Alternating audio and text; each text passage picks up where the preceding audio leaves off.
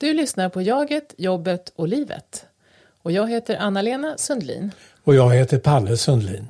Och vi är båda psykologer och har arbetat under många år med utveckling av organisationer och framförallt människorna i organisationer. Jobbet är en stor del av livet för de flesta av oss, men inte hela livet. Så i den här podden kommer vi att röra oss ganska fritt mellan det inre livet, arbetslivet och livet i stort. Hur hänger det ihop? Och hur hittar vi balansen? Välkommen att lyssna!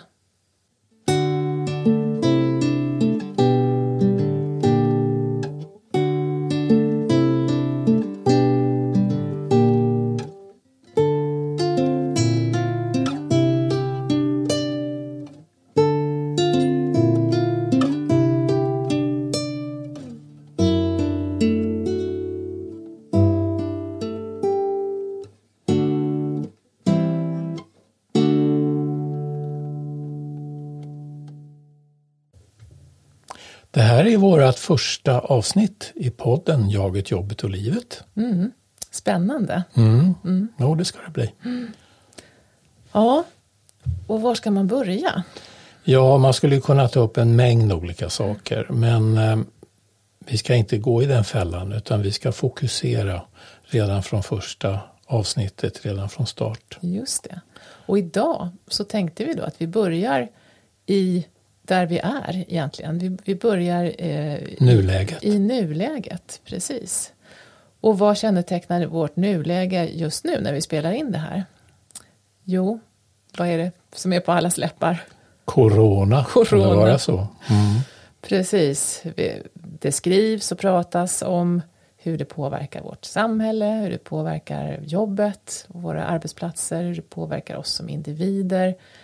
Hur mycket som helst. Och det här är ju naturligtvis jätteviktigt. Mm. Men vi tänkte inte riktigt gräva ner oss i specifikt i corona, eller hur? Nej.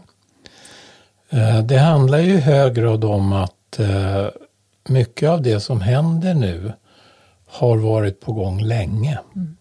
Eh, inte minst inom arbetslivet.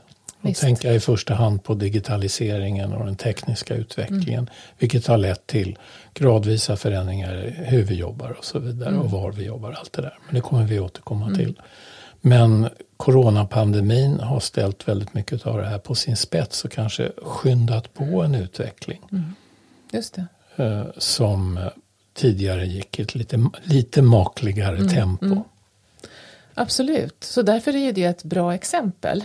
Men jag tror som, som vi tänker så är det ju också att det här eh, kan man ha nytta av att lyfta blicken och, och ändå se lite grann i den vidare bilden av vad det är vi pratar om. Vad, vad är det som kommer att vara giltigt med eller utan corona? Mm. De stora strömningar som finns i samhället som, som kommer att fortsätta påverka oss. Och där vi har saker att lära från coronapandemin men, men där det också man kan behöva se att det handlar om mer än Mm. den. Mm. Och, och vad är det då? Vilka, vilka områden är det egentligen som vi skulle vilja lyfta fram? Ja, där har ju vi fastnat för tre stycken områden som också kompletterar varandra eller belyser varandra. Det ena är då den här höga förändringstakten som har uppstått. Väldigt hög förändringstakt, högt tempo. Eh, ökad komplexitet, väldigt många olika saker att ta ställning till. Och ökad gränslöshet. Eh, Precis. Och precis vad, vad det här vad som finns i de här olika områdena det återkommer vi ju till om en stund. Men mm.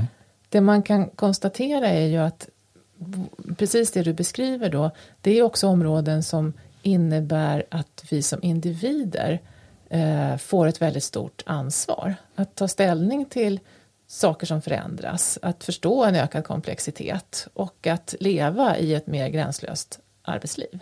Ja. Och det här är ju både sånt som kan vara stora möjligheter för oss men innebär också en hel del utmaningar. Yes. Ska vi titta lite närmare på vad det är vi pratar om?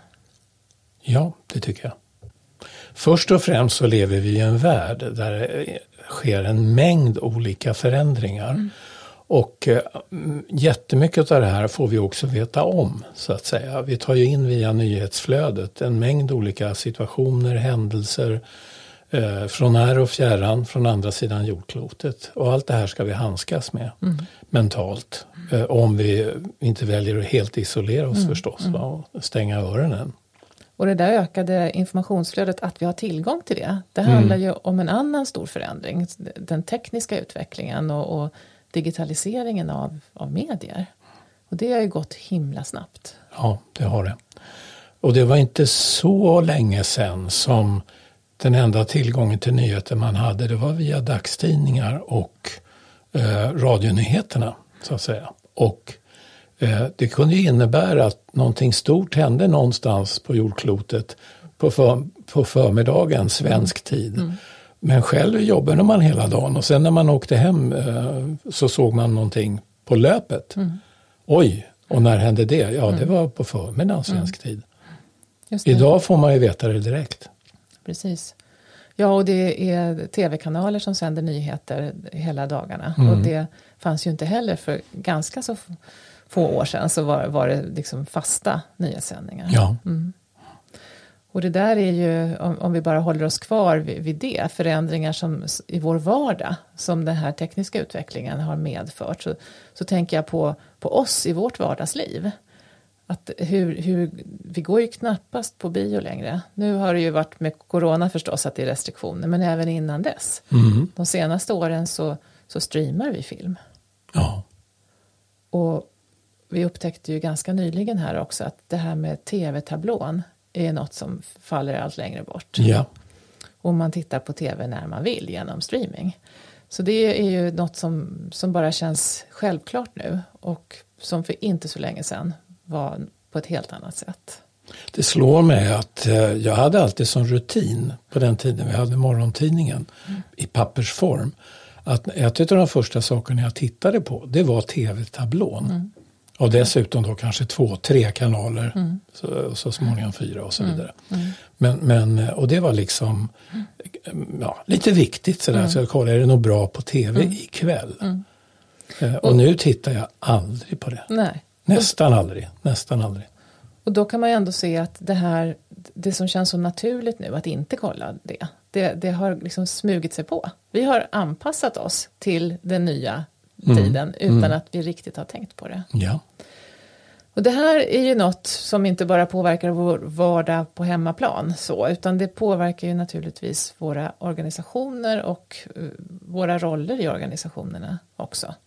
Mm. I högsta grad. I högsta grad. För som du sa, så de här stora omvälvande eh, skeendena som är i, i vår omvärld eh, så behöver ju våra organisationer som verkar i den världen förhålla sig till det och förändra hur de jobbar utifrån de skiftena och också utifrån den tekniska utvecklingen förstås. Mm. Mm. Och i förlängningen så innebär ju det att våra roller, våra arbetssätt Eh, kommer att vara stadda i förändring och mm. vi behöver hänga med. Stämmer bra. Mm. Och, och, allt går kanske inte riktigt lika smidigt som det här med att, börja streama film. En del saker tar ju faktiskt emot också. Och utmaningarna och möjligheterna eh, kring förändring eh, för individen är ju också kopplade till ett annat område som vi nämnde förut här. Mm. Det här med ökad komplexitet. Den ökade komplexiteten, mm. ja. Mm.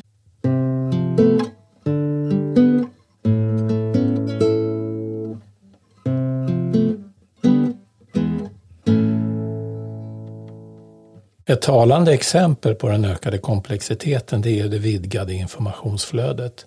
Tack vare den tekniska utvecklingen så har vi möjligheter att och eh, ibland också tvingas på en mängd olika fakta kring saker och ting och mm. rykten, spekulationer och så vidare. Och det får vi via nyhetskanalerna, vi får det via de olika digitala sociala medierna. Mm. Och eh, det här är knepigt, det är inte alldeles lätt att förhålla sig till alltihopa det här. Man mm. behöver ju hitta sätt att sortera för sig själv, mm. vad är viktigt och vad är inte viktigt. Mm. Det är så mycket av högt och lågt. Eh, gammalt och modernt, ja. jag på att säga. Ja, och, och, just det här nya som du säger, att informationen är ju också tillgänglig för alla. Mm. Om man tänker att det på något vis tidigare har varit eh, i, i en ja, att det har handlat om makt, vad man har, sitter inne med för information, så, så är det ju nu i och med att, alla kan ta del av information eh, så, så blir det ju mer jämnt distribuerad och, och folk kan också ha synpunkter på ett annat sätt. Ja, som en parentes kring mm. det så kan man också säga att vi kan uppleva det som att, att vi får kunskap mm. eller vet väldigt mycket mm. om många olika saker. Mm. Eh, jag håller precis på att läsa färdigt en bok som heter Tankar om det 21 århundradet och där hävdar den författaren att vi tror oss veta en massa mm. saker tack vare det här flödet. Mm. Men det är enormt mycket som vi faktiskt varken förstår mm. eller får mer kunskap om utan vi blir fyllda av en mängd olika åsikter och tankar om saker som ligger långt utanför kanske vårt eget kompetensområde.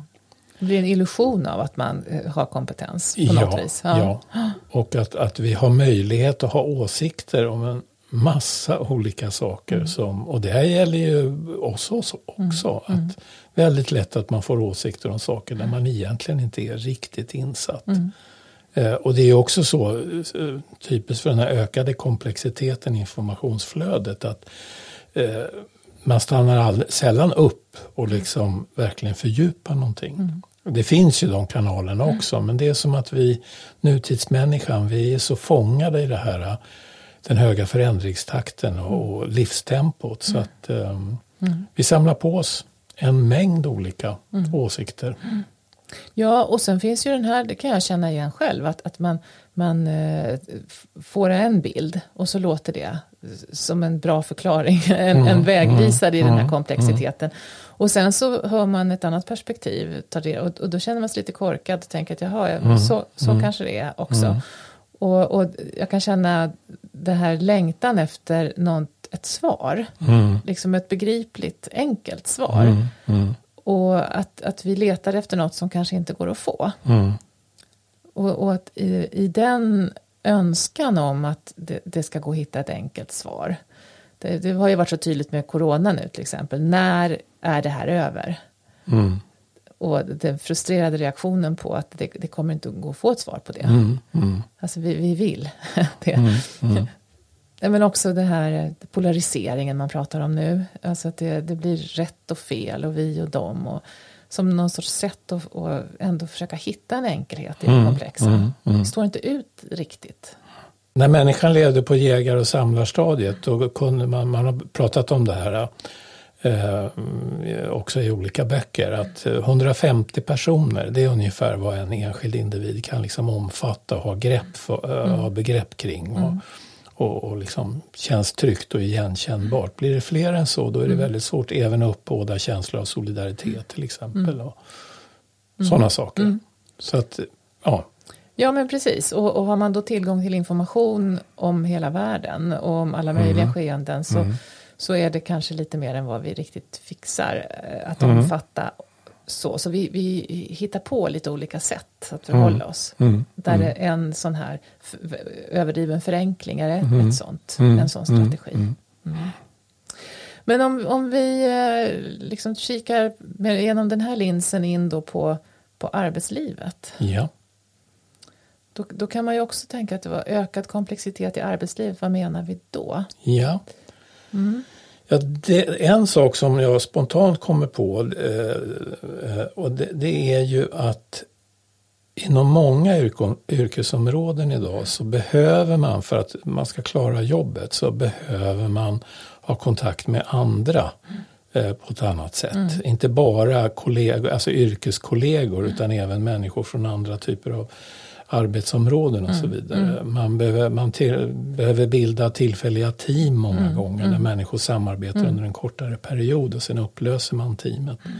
Det. det. är också en ökad komplexitet och, och det där, det där mer att förhålla sig till. Man behöver förstå på ett annat sätt idag vad andra gör. Därför vi påverkar varandra och slutresultatet kanske är en frukt av samarbetet mellan olika yrken till exempel. Absolut, och det där tror jag är superviktigt. Mm. Alltså precis det du sa, att man behöver förstå mer av vad andra gör. Mm. Det, det, är svårare och svårare att jobba i sin egen bubbla eller sitt ja. eget stuprör. Och det där tar ju många organisationer på allvar också och, och försöker som sagt fixa tillfälliga team av olika slag kring, kring aktuella frågor och processer. Eh, men också att man, man försöker organisera, lägga in det i organisationen genom olika typer av det man kallar matrisorganisationer. Då. Mm, det, mm. det, finns vissa saker som får gå på tvären där man säkerställer att man pratar med varandra över gränserna kring, ja. kring viktiga teman i, i produktionen. Och, eh, och det där innebär ju att jag har väldigt många av oss har många olika roller i rollen. Vi, vi har inte bara en tillhörighet till en grupp utan mm. vi ingår i olika typer av teamkonstellationer som vi växlar mellan mm. och behöver hålla ordning på. det där ja, är ju, ja. man, måste, man måste ha koll på det sammanhang man befinner sig i. Ja, mm. visst. Och, och det där tänker ju jag är en, en förmåga som vi kommer att behöva verkligen utveckla. Både för organisationer att, att se till hur, hur gör vi det här så att det blir lätt och smidigt för människor. Och också som individer. Hur, mm. hur utvecklar vi den här förmågan att skifta roller mellan de olika sammanhangen. Mm. Är det för övermäktigt det här?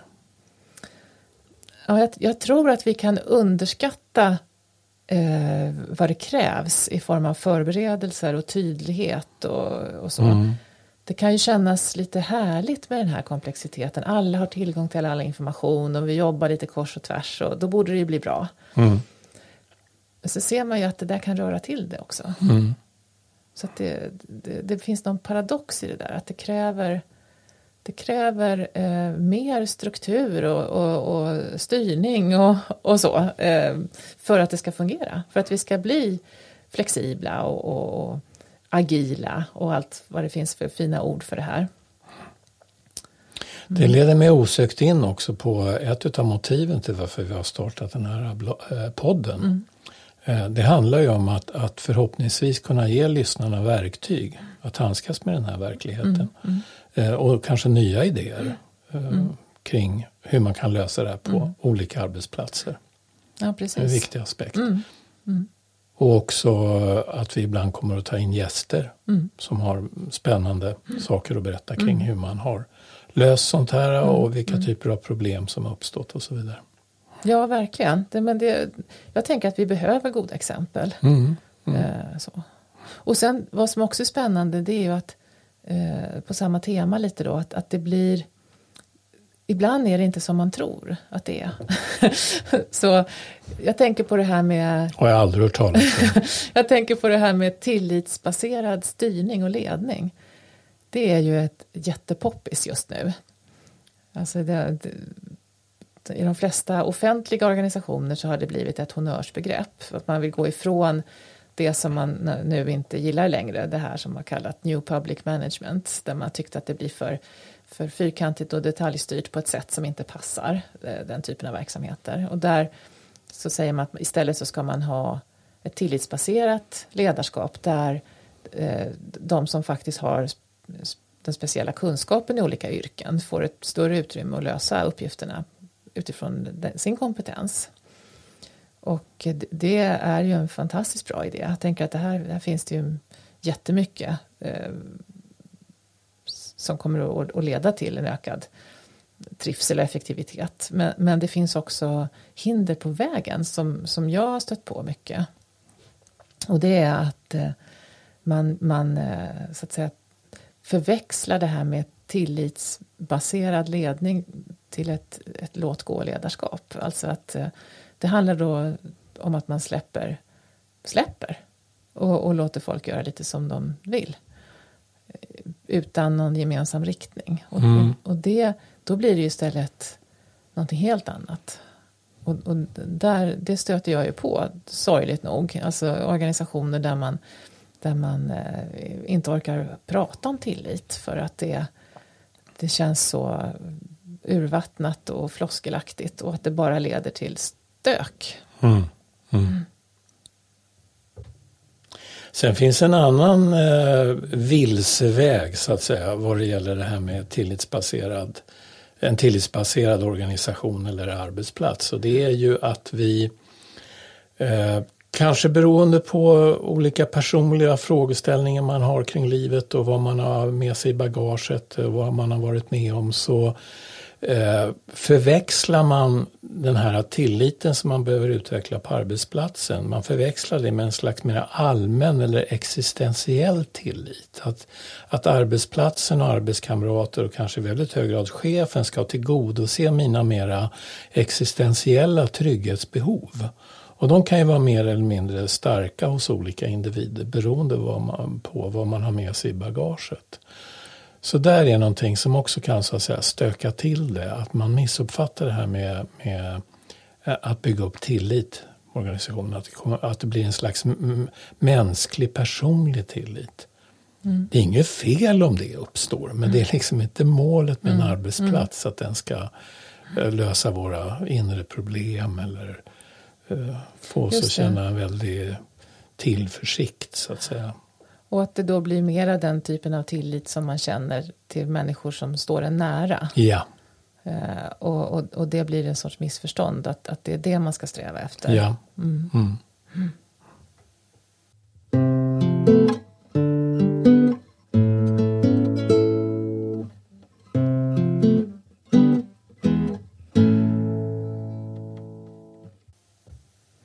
Det finns mycket mer som man kan tillägga om just det där temat, men eh, vi behöver gå vidare.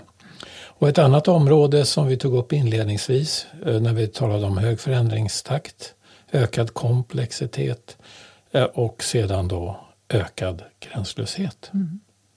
Och vad handlar det om? Mm. Det har blivit som ett begrepp nu, man pratar om gränslöst arbete. Mm.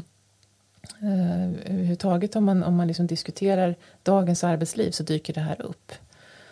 Och, och, det man menar egentligen är ju att gränserna mellan var och när vi jobbar, alltså det, det, kring det, det har börjat luckras upp allt mer.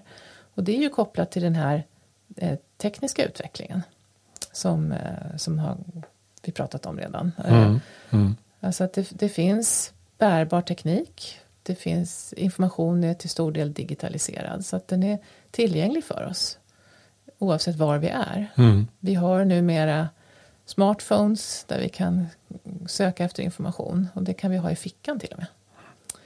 Så att det här, det här är ju något som berör oss, oss alla. Mm. Eh, även om det är viktigt att komma ihåg också att nu har ju, har ju liksom diskussionen väldigt mycket handlat om i coronatider då, om hemarbete. Eh, men en, en undersökning som vi såg i, i Dagens Nyheter häromdagen då, visade ju att 55 procent av alla i Stockholm som jobbar kan inte jobba hemifrån. Man har andra typer av arbeten. Så att man inte förväxlar det här med gränslöst arbete med att det bara handlar om, om att man jobbar hemifrån. Mm. För det är ju ändå något som, som i olika utsträckning har, har funnits eh, under många år nu. Till exempel då med, med möjlighet till flextid eller till önskescheman när man, när man jobbar inom till exempel vården. Ja, jag måste bara få berätta att i mitten på 90-talet när jag var ny på ett speciellt arbete som psykolog då Eh, så var det min chef då som uppmanade mig att jobba hemifrån eller jobba hemma mm. ett par tre dagar för att gå igenom och läsa lite böcker och eh, också faktiskt titta på videofilmer. Mm. Som, som tog upp olika saker kring, kring det här arbetsområdet. Och jag minns att eh, jag kände mig lite sådär kvack kvack belåten som Kalle Anka ungefär när jag satt hemma och tänkte gud jag jobbar just nu. Mm, mm. Fast jag sitter hemma i vårt ombonade mm. vardagsrum och så mm. tittar jag på tv dessutom och kallar det här för jobb. Mm. Så att det var liksom ja, lite exklusivt mm. nästan och lite busigt. Idag är det ju inte ett dugg konstigt eh, och har ju inte varit på flera år faktiskt mm. att någon säger att nej måndag eh, Måndag, tisdag jobbar jag hemma för jag mm. behöver komma ikapp med vissa mm. saker. Ja, mm. Någonting i den mm. stilen. Mm. Och nu verkar det vara dra mot att det blir nästan det nya normala. Mm. Att man jobbar hemifrån och sen är man på arbets, den fysiska arbetsplatsen en eller ett par gånger i veckan. Ja, för de som kan som det. Som de som ja. kan det och som kanske måste det mm. framöver. Mm. Nej men absolut, jag, jag bara, det slog mig också, det var någon reklam, jag kommer inte ihåg vilket företag det var, men det, det var i alla fall när det började komma bärbara datorer. Mm. Och så hade de den här slogan Work where you want. Och så var det en bild av någon som satt med en laptop vid någon skärgårdsmiljö. Och det där var ju oerhört exotiskt, mm, mm. kändes det ju. Mm. Eh, sådär. Så att det har ju funnits, det har ju liksom glunkats om det och man kallade det distansarbete mm, då. Mm. Och sådär. Men jag, jag, tänker också att det är viktigt det här med när man då inte har ett jobb där det går att jobba via en laptop utan, utan eh, där man faktiskt behöver vara på plats. Att, ja. att det gränslösa berör en också då. Eh, och jag, jag, tänker på det här med eh, med liksom tillgängligheten till information. Att, att det kan vara så att det blir lite oklart. Hur mycket förväntas jag eh, hålla mig uppdaterad även när jag inte är på arbetsplatsen? Alltså förväntas jag gå in och söka information, tillägna mig, jobbar jag skift till exempel, eh, är det sånt som avhandlas när jag inte är där som jag behöver hålla mig uppdaterad kring? Eller vad, vad, vad, finns det för, för policies i det företag där jag jobbar? Det tycker jag jag märker att det, det dyker upp fler sådana frågor. Mm. Alltså det, det, det, finns en, en outtalad kanske förväntan eller en, en, tro om att det finns en outtalad förväntan om att man ska vara tillgänglig. Mm. Mm. Och det här kan man behöva liksom tydliggöra. Hur, hur tillgänglig ska jag vara? Eh, ibland behöver jag faktiskt vara det. Eh, även utanför arbetsplatsen trots att huvuddelen av jobbet utförs där. Men, och ibland kanske det inte är så utan det är något jag stressar mig själv med. Det blir så tydligt att den här ökade gränslösheten för att mm. den ska innebära en massa positiva mm. möjligheter mm. så kräver det Ja, jag gillar egentligen inte riktigt när jag säger ordet kräver mm. men, men mm. då behövs det mm eh, väldigt mycket kommunikation. Mm. Alltså mycket mer mm. kommunikation mm. mellan arbetskamrater mm. och mellan olika team och mm. avdelningar. Mm. För att så att säga hålla skutan flytande och så att det inte ska uppstå en massa olika missförstånd och annat. Absolut. Nej, men så att paradoxen då igen, om vi pratar paradoxer, är, är ju att det är stora möjligheter eh, och krav på individen men det kräver också ett samarbete av, av ett nytt slag kanske, eller in, mm. intensifierat mm. slag. Eh, så att ska vi jobba mera utifrån där var och en kan, kan lägga upp jobbet då, då, då måste vi ändå synka ännu mer. Mm. Och ha så att säga, en gemensam uppfattning om vad vi håller på med och vad, vilka förväntningar vi har. Ja, det låter ju bra. Ja, eller hur? Ja, men jag tänker att man, det, på något vis så går det åt två håll samtidigt. Mm. Där. Mm. Det, det pågår ju en hel del förstås forskning på det här området. Och eh, man kan se, om man kikar runt vad man kommer fram till då, så kan man ju se att apropå möjligheter och utmaningar då, så, så finns det ju en hel del positiva effekter kan vara då av, av eh, det gränslösa. Alltså att jag i större utsträckning kan Eh, Eh, bli flexibel utifrån mina egna behov. Att jag kan eh, få ihop kanske mitt totala arbetsliv bättre. Eh, och att jag genom att jag får mera egenkontroll också, det vet man ju då, det är ju kopplat till hälsa och välbefinnande, att jag känner att jag har kontroll på tillvaron. Så, så det är ju liksom mycket positivt där. Men utmaningarna då är ju att jag verkligen hittar mina egna gränser.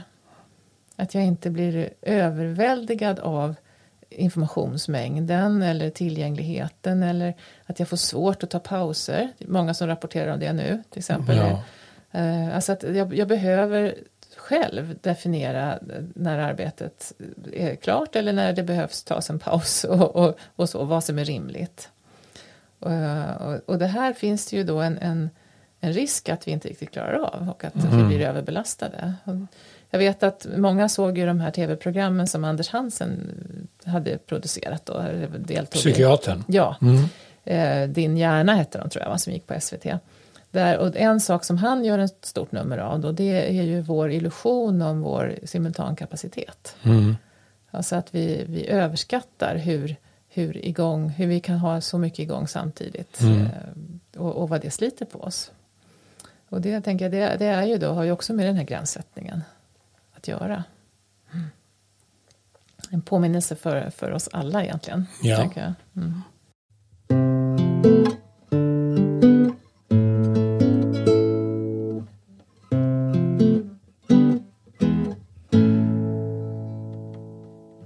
Du nämnde forskning förut. Ja. Eh, och man blir ju nyfiken på ehm, om det har kommit fram de mer konkreta områden eller konkreta problemställningar om man ska uttrycka det. Eh, som man kan ta upp här.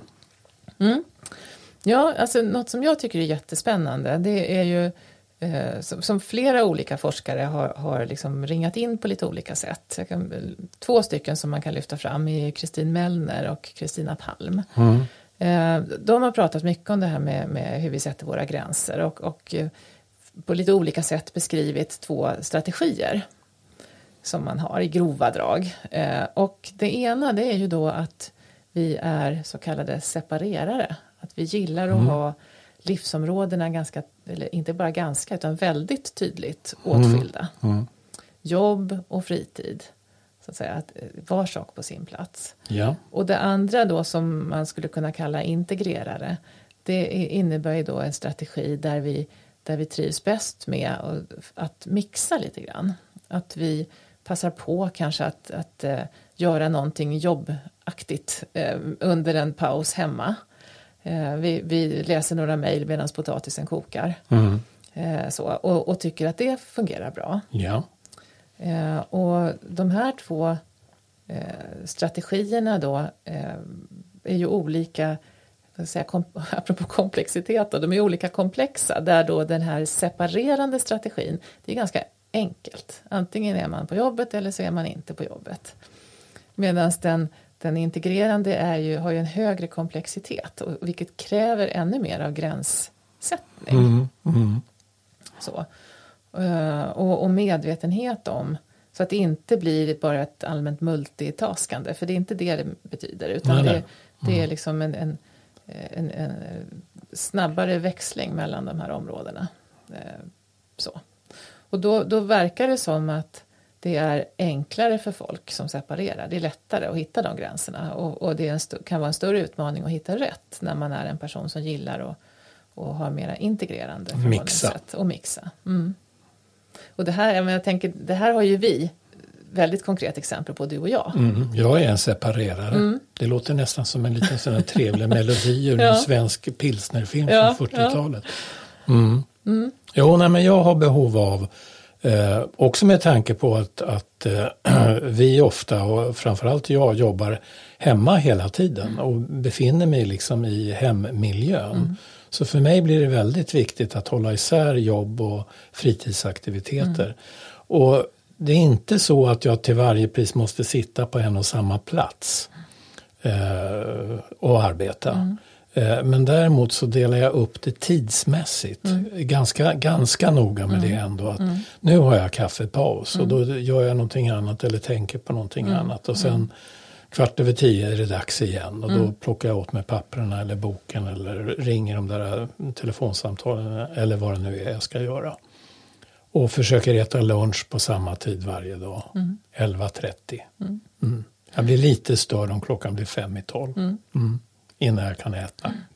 Men Ja, men- du är integrerare. Ja, alltså det där, är, där är vi ju olika och det ger ju upphov till en del friktion av och till. Ja, Nej, och för att du är ju väldigt bra på att, att ta pauser. Det är en sak som jag reflekterar över. Du, du är medveten och, du, och du, du tar paus och då är det verkligen paus. Där jag eh, oftare liksom tar lite paus och sen så, så passar jag på att göra något annat, sticka emellan med någonting. Eh, och så. Eh, vilket, och, och också att jag har, har, kan ha svårt att eh, jag, sätter, alltså det, jag jobbar lite med de där gränserna, måste jag erkänna. Det, i- ibland så bär det iväg och jag får svårt att, att eh, liksom sortera upp saker.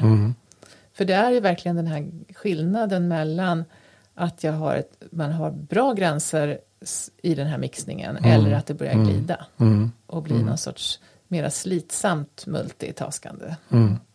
Så att, eh, mm, Jo, och det här kan ju då, om man ska vara ännu mer konkret, en sån här typisk situation är att du börjar prata jobb med mig.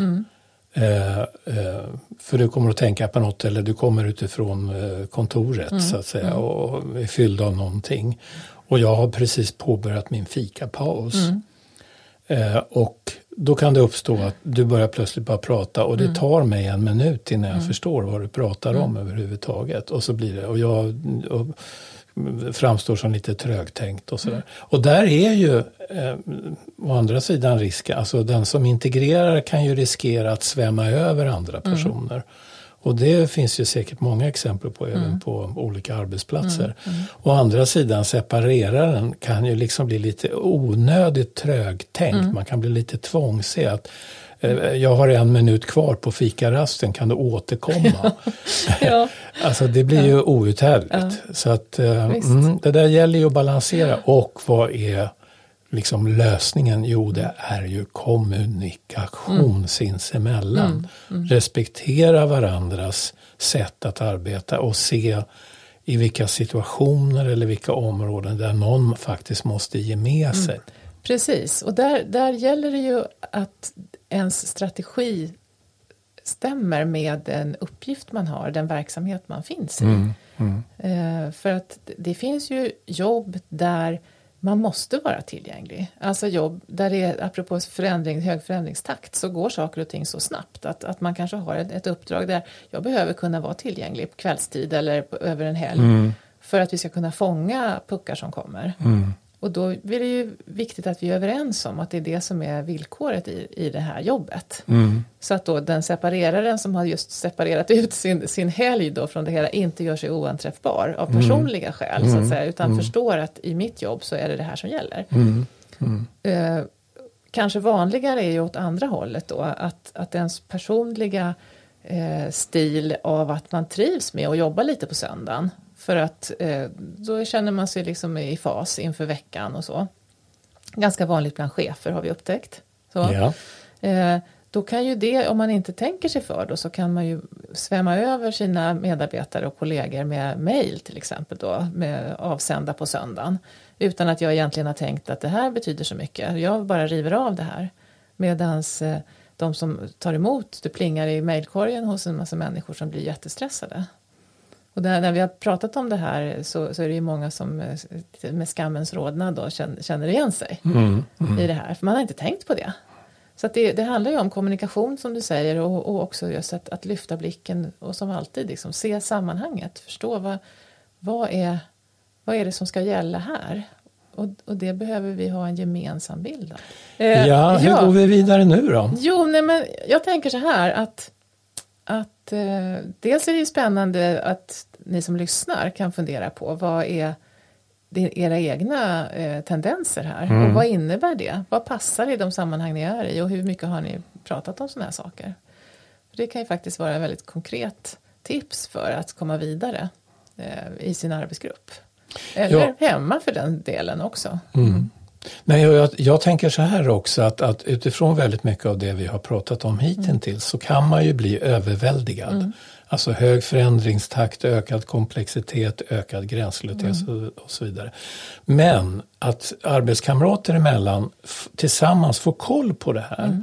Hur funkar jag? Och använda det här att separera och integrera det som en slags inre modell eller tankekarta. Och se vad, alla är ju liksom kanske inte 100% det ena eller det andra. Men kunna ha dialog och kommunikation om de här sakerna, det är en väldigt bra vad är det man säger, antidote, eh, motvikt mot den här ökade komplexiteten och den höga förändringstakten. Vi får helt enkelt, eh, det kan ge en känsla av kontroll som inte är en illusion utan faktiskt är kontroll på riktigt. Ja, och eh, apropå det här med att stämma av och prata med varandra så, så kommer jag att tänka på eh, ett exempel som vi fick vid något tillfälle från en kursdeltagare som var orienterare. Eh, som sa så här att eh, eh, när man orienterar i enkel terräng då kan man ta ut kompassriktningen och kolla kartan och så och sen köra. Men orienterar man i svår terräng då måste man stanna ofta och ta ut ny riktning och bestämma vart man ska. Och, och jag tror både du och jag har känt så, eller hur Palle? Att eh, arbetslivet idag är mera som den här svåra terrängen. Den svåra terrängen, ja. ja, absolut. Och, och allt det vi har pratat om nu under den här, det här avsnittet som, som handlar om komplexiteten och det rör på sig och det är inga klara gränser och det är väldigt mycket att förhålla sig till. kräver ju att vi med tätare frekvens stämmer av tillsammans Mm, mm. för att vara klara över att vi är på, på rätt väg. Mm.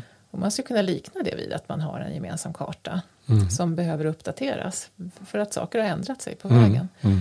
Och det där är ju också en sån sak som, som vår erfarenhet säger att, att gör man det, tydliggör man tillsammans vad man navigerar i för sammanhang och vem som gör vad och vart man ska, alltså roller och mål och så, då, då kommer man en bra bit på väg. Och att det här blir extra viktigt i den här rörliga tillvaron som vi har nu. Mm. Och det här tänkte vi borra lite grann i, i vårt nästa avsnitt. Ja. Något som vi inte har nämnt, apropå nästa avsnitt, Mm. eh, det är att vi har skrivit två böcker. Just det. Och att, eh, att vi startade den här podden har delvis att göra med de två böckerna också. Ta din roll på jobbet som kom ut 2012 och Jaget och jobbet som kom ut i våras 2020. Där det finns väldigt mycket resonemang och exempel och modeller kring de här frågorna som vi har tagit upp idag och som kommer fortsätta ta upp i podden. Så det kan vara ett tips också till lyssnarna. Ehm, ja, Och med det sagt så vill vi bara bjuda in er att lyssna på vår nästa podd som kommer om två veckor och som alltså ska handla om roller. Så tack för att ni lyssnade idag och hej då! hej då!